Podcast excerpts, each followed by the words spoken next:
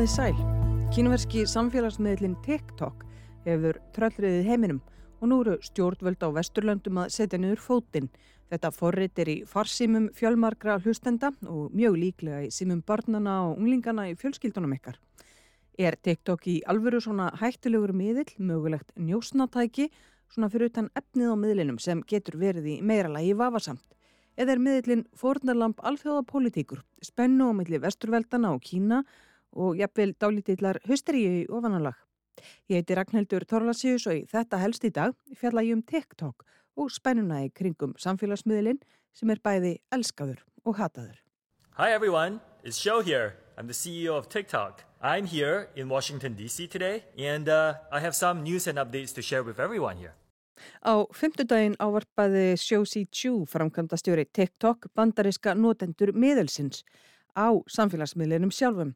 Hann hefur verið í hálgerðri PR herrferð í bandaríkjónum undanfærið en það liggur mikið við. Starfsemi TikTok á þessum stóra markaði er undir. Rætt hefur verið um að banna miðlunni í bandaríkjónum þó að það sé ekki alveg vitað hvernig sé best að gera það. Og svo þrýsta bandarísk stjórnveld á að kínverska móðurfélagið einfaldlega selji TikTok.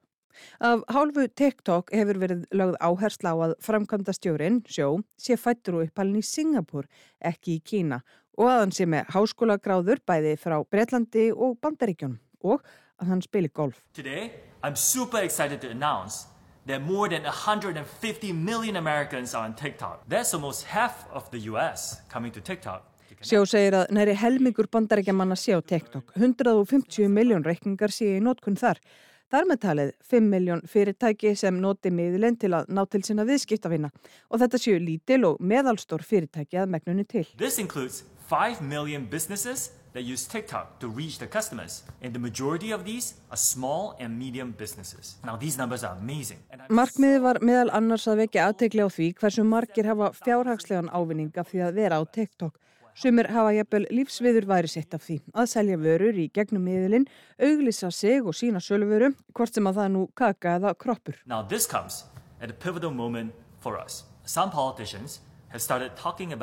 banning TikTok. Now this could take TikTok away from all 150 million of you. Sjó var í Washington til að mæta fyrir bandaríska þingnæmt.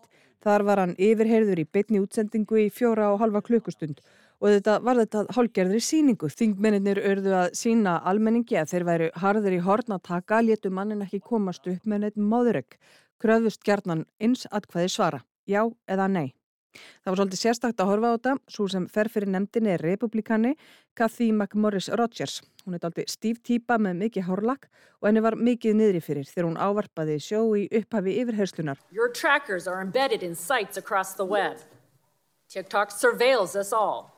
Hún er fylgjandi því að TikTok verði bannað í bandaríkjónum og sagðist ekki trúa hennum fögru fyrirheitum fyrirtækisins um að TikTok skaði ekki saklaus bandarísk börn eða að upplýsingum um notendur sé ekki deilt með kínverska ríkinu.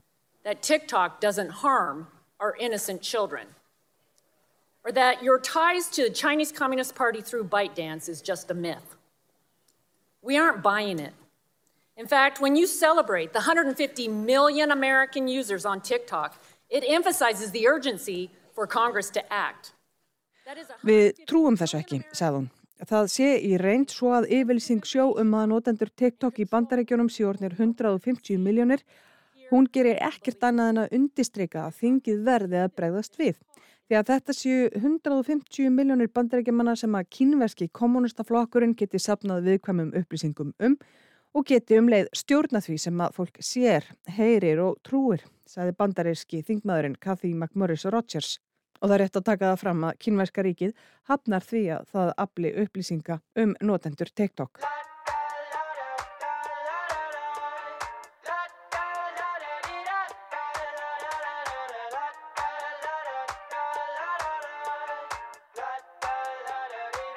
En TikTok er nefnilega líka sakað um reitt skoðun að fjarlægi óþægilegt efni til að mynda efni sem að snertir úígúra, þjóðarbrót múslima sem kynversk stjórnveld kúa. Sjó framkvæmda stjóri TikTok blikkaði augunum ótt og týtta meðan Kathy McMorris Rogers messaði yfir honum. Hann virtist vera svolítið stressaður og það er kannski ekkit skrítið. Því næst tók við ábúðarfullur demokrati, Frank Pallone, ríflega 70 maður, yfirvegaður og alvöru gefin, gráherður í svörtum jakkafuttum, maður sem er vanur því að Marxi tekið á sér og svo tók við fleiri þingmenn koll af kolli.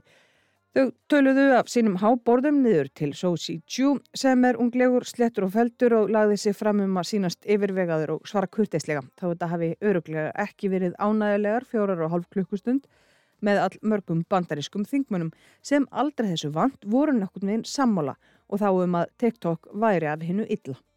I could have my Gucci on I go with my Louis Vuitton But even with nothing on Bet I made you look I made you look I'll make you double take TikTok er í eigu kínverska fyrirtækisins ByteDance og sagt er að það fyrirtæki sé að hluta í eigu kínverska ríkisins.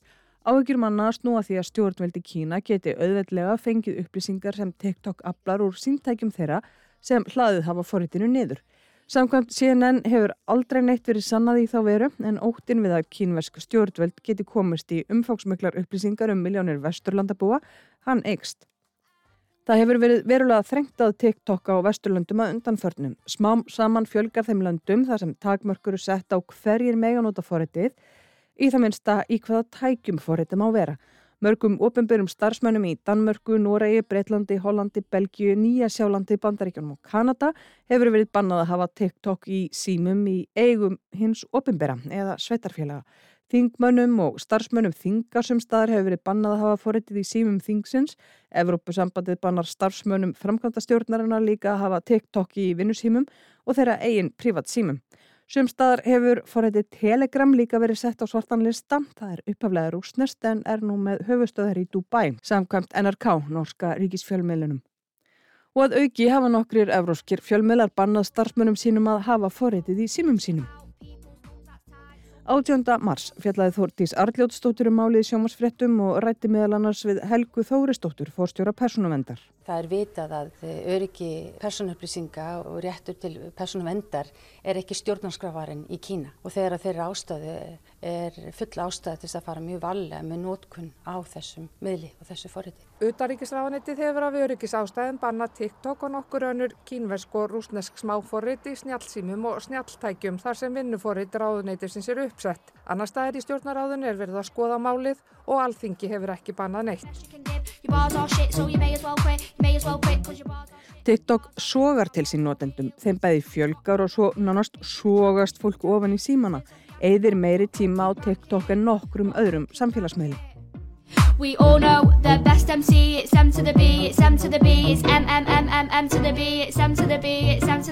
bang. Ingun Laura Kristjánsdóttir er fréttamaður á RÚV og hefur það tiltekna hlutverk að útbúa fréttir á samfélagsmiðla. Matreiða fréttinnar sérstaklega þannig að það er hendi á miðlana, ekki síst til að ná til úns fólks þeirra sem kveiki ekki á útvarpi og sjónvarpi og nota lítið hefðbundnar vefsíður fréttamiðla. Hafdís Helga Helgadóttir rætti við hana í speklunum í byrjun mánaðarins um TikTok og teitringin í kringu miðlinn. Við getum ekki dreyjur hversu mikilvægur þessi miðl er.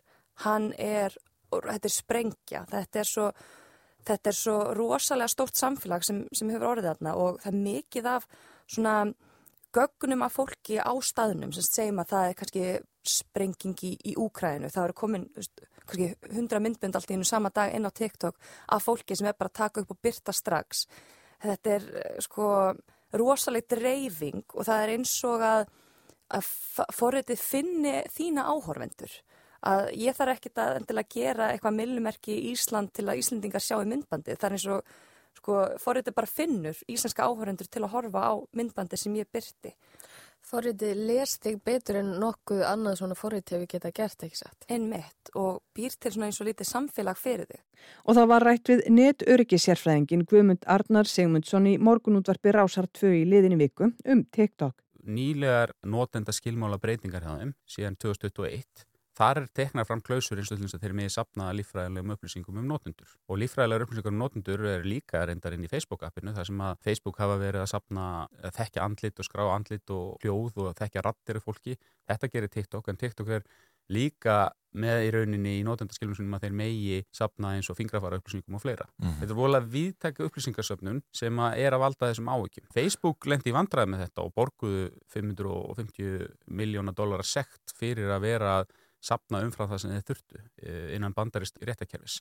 Það er eina af ástæðan þess að TikTok er kannski meira svona í, í skotlínni heldur en önnur upp sem eru einni að sapna mjög ítalegum upplýsingum um notkun og hegðu notenda að þetta er beintengt við kínverð stjórnvöld og Já. óttast það að þeir hafi ekki stjórnaði og kínverð stjórnvöld geti nýtt sér þessar upplýsingar í einhverju mæli mispersonlegar upplýsingar Já. Þú veist, þetta er vissulega þægilegt líka og það er, það er akkurinn í forritinu oft er maður að gefa eftir ákveðin svona persónuvend eða öryggi fyrir þægindin sem fylgja því en óttinleikur í því að þetta sé nota til þess að njósna um notendur. Þannig að óttin við TikTok er ekki óttin við það að, að appi lesi einhverja áhugamál, heldur miklu frekar að appi sé að lesa það sem þetta gera í öðrum öppum. Já, og ná utan um svona heildar mengi notkunnar. Taka allar þessar upplýsingar saman og vita þá bara um einstaklinga og þá, þá er vita er bara, þeir sapna saman upplýsingum um kannski ofinbæra starfsmenn erlendra ríkja, kannski utarikisræðanita og þetta er ákveðin tegundar njósnum þó að appið sé ekki notað beint, það verið aldrei verið sannað að TikTok sé notað í, í beinni njósnunum bara að vera að hlera í gegnum síman en eitthvað svoleiðis. En þessi upplýsingarsöfnun er eiga sér stað og áhugina liggi því að menn halda að þeir geti nýtt allar þessar upplýsingar til þess að búa til einhverja svona prófílmynd af einstaka empatismönnum sem síðan í stærri held gefur kannski miklu viðtekar upplýsingar. Þeir geta kannski bara séð því að það hlýtur að vera einhver leynilegur fundur þarna í, í þessu landi núna því að það eru 78 empatismenn sem allir vinna á, við, við þennan málaflokk og þeir eru mættir þarna í einhvern skó eitthvað stæðir í Þýskalandi. Þegar þú sapnar saman stærra mengi upplýsingum þá er þetta meiri og rínalegri gögn heldur en kannski það sem maður gerir sér grein fyrir. Önnur upp gera þetta líka en kannski ekki, eru kannski ekki jafn ítin í að fá hennan aðgang. En í grunninn eru þessar upplýsingar eru og hafa reynst þeirra síðan svona 20 ár í þessum netheimi upplýsingar sem eru svo gífuleg söluvara. Öll hinn stóru bandarísku fyrirtækin sem hafa orðið risar undanfjöldum árum hafa verið að bjóða þjónustuna ókipis til notenda. Notendur eru til í að samþykja mjög viðtæka notendaskilmála að því að þeir fá svo skemmtilega þjónustu tilbaka Mhm. og þessi notendaskilmálar gera félagunum kleift að sapna upplýsingnóttur sem þeir selja út á auðlýsingamarkað svo má fá með auðlýsingar um prjónadótt en ekki já. af því ég hef ekki áhuga á ljósmyndavélum Nei. til dæmis. Akkurat.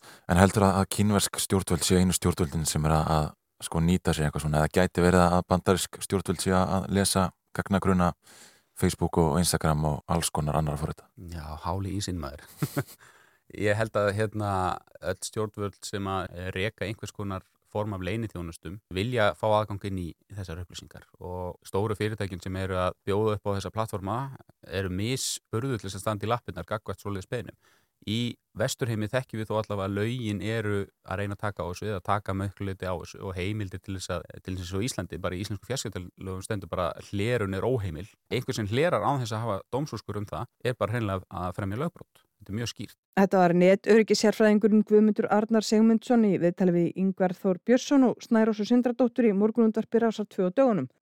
Áhyggjur fólks af TikTok snúast ekki bara um mögulegar njóstnir heldur líka um nótkun ungs fólks og óhartnaðs á miðlinum sem er með mjög öflugan algrím, algoritma, sem heldur að fólki efni sem hann telur að það muni horfa á. Hvort sem að það eru myndbönda fólki af dansa, tjóðsögum stjörnufræði eða feminisma, segja frá lífi sínu í klámgeranum og benda á hversu auðvelt sé að nálgast grófar efni og OnlyFans, kenna förðun, skreita kökur, snirta feld á hundum.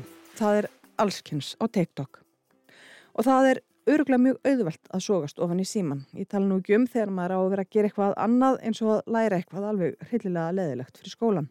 Óhóflu stefnun samskiptamiðla á persónuupplýsingum er vel þekkt og hérlendis ber persónu vend að fylgjast með vinslu persónuupplýsinga og hafa eftirlit með lögum og reglum.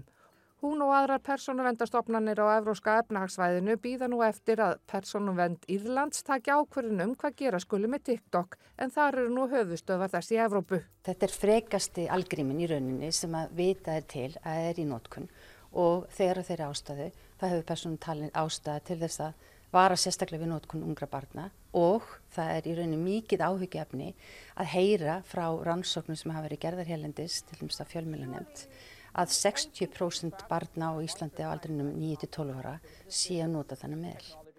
En svo að það sé nú sagt, Rúf er á TikTok og Ingun Lára, samfélagsmiðla fréttamaður Rúf sem setur fréttinnar inn á miðlinn, hún kýs að fara varlega. Ég til dæmis, ég er með svona TikTok síma, vinnusíma og ég er ekki með minn post í símanum eða, eða veist, númer hjá heimildarmönnu, myndi aldrei hafa í sama síma. Og yngun er ekki einum það. Norrænir ríkismiðlar hafa beðið starfsfólk sitt að eigða TikTok úr tækjum sem innihalda einhver vinnutengt gögn.